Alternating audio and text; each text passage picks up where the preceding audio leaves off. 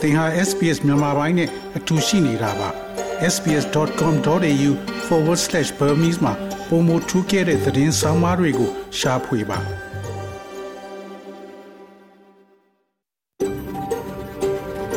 SBS A world of difference You're with SBS Burmese on mobile, online and on radio. mobile online နဲ့ radio ပေါ်မှာသင်ဟာ SPS မြန်မာပိုင်းနဲ့အ တူရှိနေတာဖြစ်ပါတယ်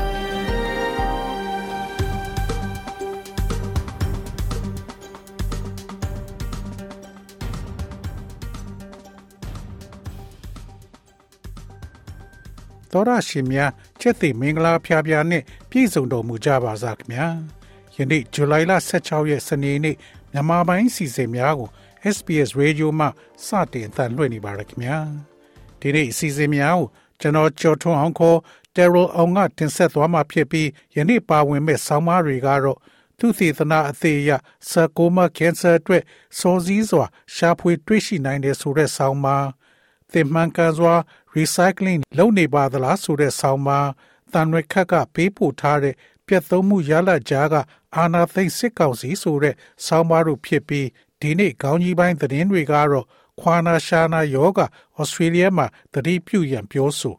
မစ္စမအလုတ်သတင်းထောက်ကိုအလုတ်ချမ်းနဲ့ထောင်ဒဏ်၃နှစ်ချမှတ်ခံရ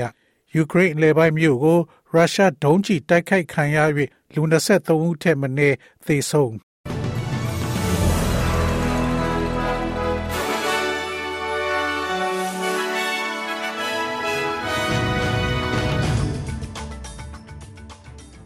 ယခုချိန်ကစပြီးသတင်းများကိုကျွန်တော်ကြော်ထုံးအောင်ကစတင်ဖတ်ကြားပါတော့မယ်။ ခွာနာရှာနာယောဂဩစတြေးလျမှာသတိပြုရန်ပြောခွာနာရှာနာယောဂပြန့်နှံ့မှုကိုရပ်တန့်ရန်လုံလောက်သောအစီအမံများမလုံဆောင်ပါက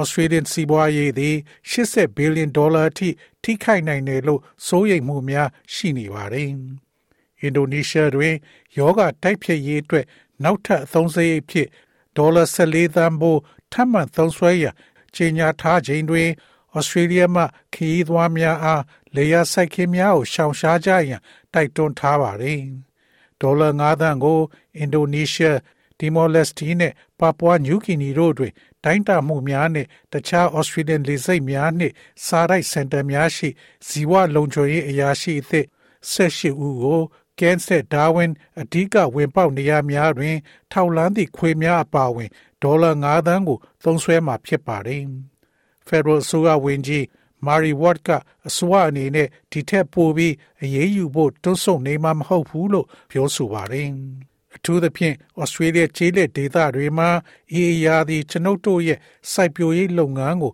ဆိုးဝါးစွာထိုးနှက်ချက်ဖြစ်လာနိုင်သောကြောင့်ထိုတွင်သီးသာထင်ရှားသောစိုးရိမ်ပူပန်မှုများရှိနေတာကိုကျွန်ုပ်သတိပြုမိပါတယ်။ဩစတြေးလျနိုင်ငံသားတွေအနေနဲ့လည်းဒီယောဂဖြစ်ပွားမှုကိုထိန်းချုပ်ဖို့နဲ့နိုင်ငံအပြင်ကနေ မသေးဆောင်လာဖို့လိုအပ်တဲ့ခြေလှမ်းတွေကိုလှုပ်ဆောင်ဖို့တာဝန်ရှိပါတယ်။ Federal အစိုးရသည်ကျွန်ုပ်တို့ရဲ့အလုပ်ကိုလှုပ်ဆောင်နေပြီးကျွန်ုပ်တို့ရဲ့တာဝန်ကိုထမ်းဆောင်ရရှိပြီးဇီဝလုံခြုံရေးအကြံပေးချက်အပေါ်အခြေခံပြီးလိုအပ်တဲ့အတိုင်းဆက်လက်လှုပ်ဆောင်သွားမှာပါ။မင်းစမသတင်းဌာနရဲ့အလို့သတင်းထောက်အလို့ကျန်းနဲ့ထောင်ဒဏ်၃နှစ်ချမှတ်ခံရမြန်မာစစ်အာဏာရှင်ကမင်းစမသတင်းဌာနရဲ့အလို့သတင်းထောက် မမေဘယ်ခေါ်မငင်းငင်းအေကိုအင်းစိန်ထောင်တွင်ရှိတာမွေမြို့နယ်တရားရုံးကဇူလိုင်လ14ရက်တွင် အလုတ်ချမ်းနှင့်ထောင်ဒဏ်3နှစ်ချမှတ်လိုက်ကြောင်း၎င်းအမှုကိုလိုက်ပါဆောင်ရွက်ပေးနေတဲ့ရှေ့နေဦးခင်မောင်မြင့်ထံမှသိရှိရပါတယ်။ထို့သောချမှတ်ခံရမှုအတွက်ရှေ့ပိုင်းခရိုင်တရားရုံးထံတွင်အယူခံတင်မှဖြစ်ပြီးထိုမှတစ်စစ်ပြည်တော်စုတရားလွှတ်တော်ချုပ်အထိအယူခံအစစ်စစ်တင်သွားက မှန်ကန်မျှတတဲ့တရားစီရင်ရေးရတဲ့အထိလှုပ်ဆောင်သွားမယ်လို့ဦးခင်မောင်မြင့်ကပြောဆိုပါတယ်။မမေဘယ်သည်တည်င်းယူရန်သွားစဉ်ဇန်နဝါရီလ15ရက်ကဖမ်းဆီးခံခဲ့ရခြင်းဖြစ်ပြီးတာမွေမြို့နယ်ရဲစခန်းမှုမှတရေလိုပြုလုပ်ခပုံမှန်905ကဖြင့်တရားစွဲဆိုခဲ့ခြင်းဖြစ်ပါတယ်။စစ်အာဏာသိမ်းပြီးနောက်မြန်မာနိုင်ငံတွင်တစ်နှစ်ကျော်ကာလအတွင်းသတင်းသမားတရားကျော်ဖမ်းဆီးခံရပြီး 90ကျော်မှဆက်လက်ဖမ်းဆီးခံရပါတယ်။ထို့အပြင်စစ်ကြောရေးနဲ့တိုက်ပွဲများအတွင်းသတ်ဖြတ်ခံလိုက်ရတဲ့သတင်းသမား၃ဦးနဲ့ဖမ်းဝင်ရန်ထုတ်ခံထားရသူအနည်းဆုံး30ဦးရှိတယ်လို့လည်းသတင်းထောက်များစုဆောင်းထားတဲ့အချက်အလက်များအရသိရှိရပါတယ်။ယူကရိန်းလေပိုင်းမြို့၌ရုရှားဒုံးကျည်တိုက်ခိုက်မှုကြောင့်လူ23ဦးထက်မနည်းသေဆုံး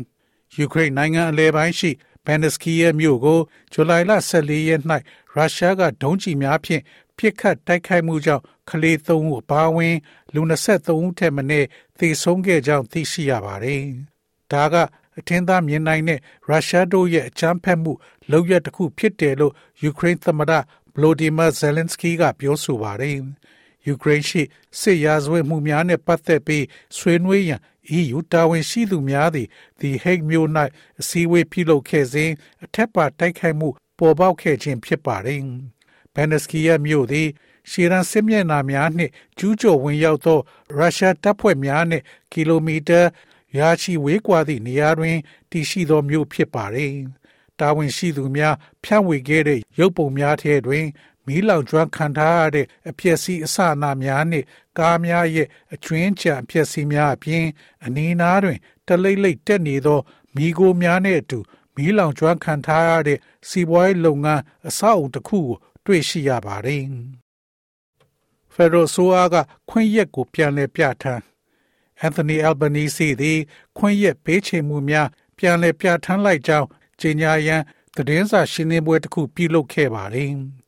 Labor အတွင်းနှင့်လူမှုဖူလုံရေးအဖွဲ့အစည်းများရဲ့အစဉ်အဆက်မပြတ်ဖိအားပေးမှုကြောင့် Federal ဆိုရသည်ကယောဂဘေးအတွက်လစာငွေဒေါ်လာ950ကို ပြန်လည်ပေးအပ်ခဲ့ပါတယ်။ရင်းညင်ပေါင်းဆိုအထာမဆိုရသောအခြေအနေကို အမွေဆက်ခံခဲ့တဲ့ဆိုက၎င်းတို့ရဲ့ဆက်လက်ရည်တည်ရမတတ်နိုင်သောကြောင့်ပေးငွေများကုန်ဆုံးသွားကြောင်း Labor ကအစောပိုင်းတွင် အခိုင်အမာပြောဆိုခဲ့ပါတယ်။ ဝန်ကြီးချုပ်အန်သိုနီအယ်ဘနီစီကယခုပြန်လည်ပေးအပ်မှုသည်ပုံမကူးဆက်တတ်သောကိုဗစ်မျိုးကွဲများအဓိကအားဖြင့် BA4 နှင့် BA5 မျိုးကွဲများနှင့်ထိခိုက်လွယ်သောဩစတြေးလျများအတွက်၎င်းရဲ့ဂတိကဝတ်များကိုတုံ့ပြန်ခြင်းဖြစ်တယ်လို့ပြောဆိုပါတယ်။စေအာနာရှင်ရဲ့လူအခွင့်ချိုးဖောက်မှုတွေ Facebook အစီရင်ခံစာမှာဖော်ပြ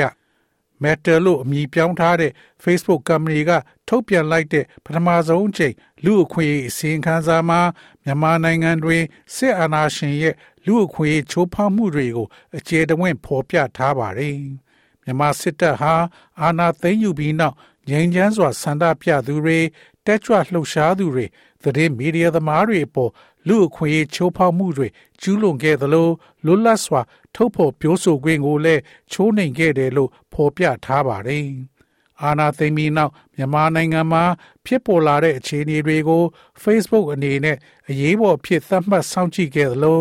online ချင်းချောက်မှုတွေကိုလည်းအချိန်နဲ့တပြေးညီတုံ့ပြန်ခဲ့တယ်လို့ဆိုပါတယ်။ Facebook အနေနဲ့ပြီးခဲ့တဲ့2018ခုနှစ်မှာ မြန်မာတပ်မတော်ကာကွယ်ရေးဦးစီးချုပ်ဗိုလ်ချုပ်မူကြီးမင်းအောင်လှိုင်အပါအဝင်စစ်တပ်နဲ့ပတ်သက်ဆက်နွယ်တဲ့အကောင့်စာမျက်နှာပေါင်း20ကျော်ကို ပိတ်ပင်ခဲ့ပါတယ်။အာနာသိမီနောက်မှာလေတမတော်သတင်းမှန်ပြန်ကြားရေးစာမျက်နှာမြန်မာရုပ်မြင့်သံကြားစာမျက်နှာစစ်တပ်နဲ့ပတ်သက်ဆက်နွယ်တဲ့စီးပွားရေးလုပ်ငန်းစာမျက်နှာတွေကို Facebook ကနေဖယ်ရှားခဲ့တယ်လို့ဆိုပါတယ်။ SBS SBS SBS SBS SBS This is SBS Radio ငွေလဲနှုန်းမှာတော့ Australian dollar ကိုမြန်မာကျပ်ငွေ1285ကျပ်ရရှိပါတယ်။ American dollar ဟာမြန်မာကျပ်ငွေ1852ကျပ်ရရှိပြီး Australian dollar ဟာ American 68စနစ်နဲ့ညီမျှပါတယ်။မနေ့ဖြန် Australia တိုက်မှာရှိတဲ့မြို့ကြီးများရဲ့မိုးလေဝသခန့်မှန်းချက်ကတော့စင်နီမြို့မှာအပူချိန်20 degree centigrade ရှိမှဖြစ်ပြီးနေသားမှာဖြစ်ပါတယ်။ Melbourne မြို့မှာအပူချိန်15ဒီဂရီစင်တီဂရိတ်ရှိမှဖြစ်ပြီးမိုးရွာသွန်းမှဖြစ်ပါတယ်။ Brisbane မြို့မှာအပူချိန်22ဒီဂရီစင်တီဂရိတ်ရှိမှဖြစ်ပြီးမိုးတိမ်သားများအနည်းငယ်ရှိမှဖြစ်ပါတယ်။ Perth မြို့မှာအပူချိန်16ဒီဂရီစင်တီဂရိတ်ရှိမှဖြစ်ပြီးမိုးရွာသွန်းမှုမြင့်တက်လာမှဖြစ်ပါတယ်။ Adelaide မြို့မှာအပူချိန်14ဒီဂရီစင်တီဂရိတ်ရှိမှဖြစ်ပြီးမိုးရွာသွန်းမှဖြစ်ပါတယ်။ Hobart မြို့မှာအပူချိန်73ဒီဂရီစင်တီဂရိတ်ရှိမှဖြစ်ပြီး မိုးရွာသွန်းမှုတိုးမြင့်လာမှာဖြစ်ပါတယ်။ကင်ဘရာမြို့မှာအပူချိန်17ဒီဂရီစင်တီဂရိတ်ရှိမှဖြစ်ပြီးမိုးရွာသွန်းမှုတိုးမြင့်လာမှာဖြစ်ပါတယ်။တာဝန်မြို့မှာအပူချိန်29 degree centigrade ရှိမှဖြစ်ပြီးနေသားမှာဖြစ်ပါတယ်။ဤတွင်သတင်းများကိုကြီးညာလို့ပြီးပါပြီခင်ဗျာ။။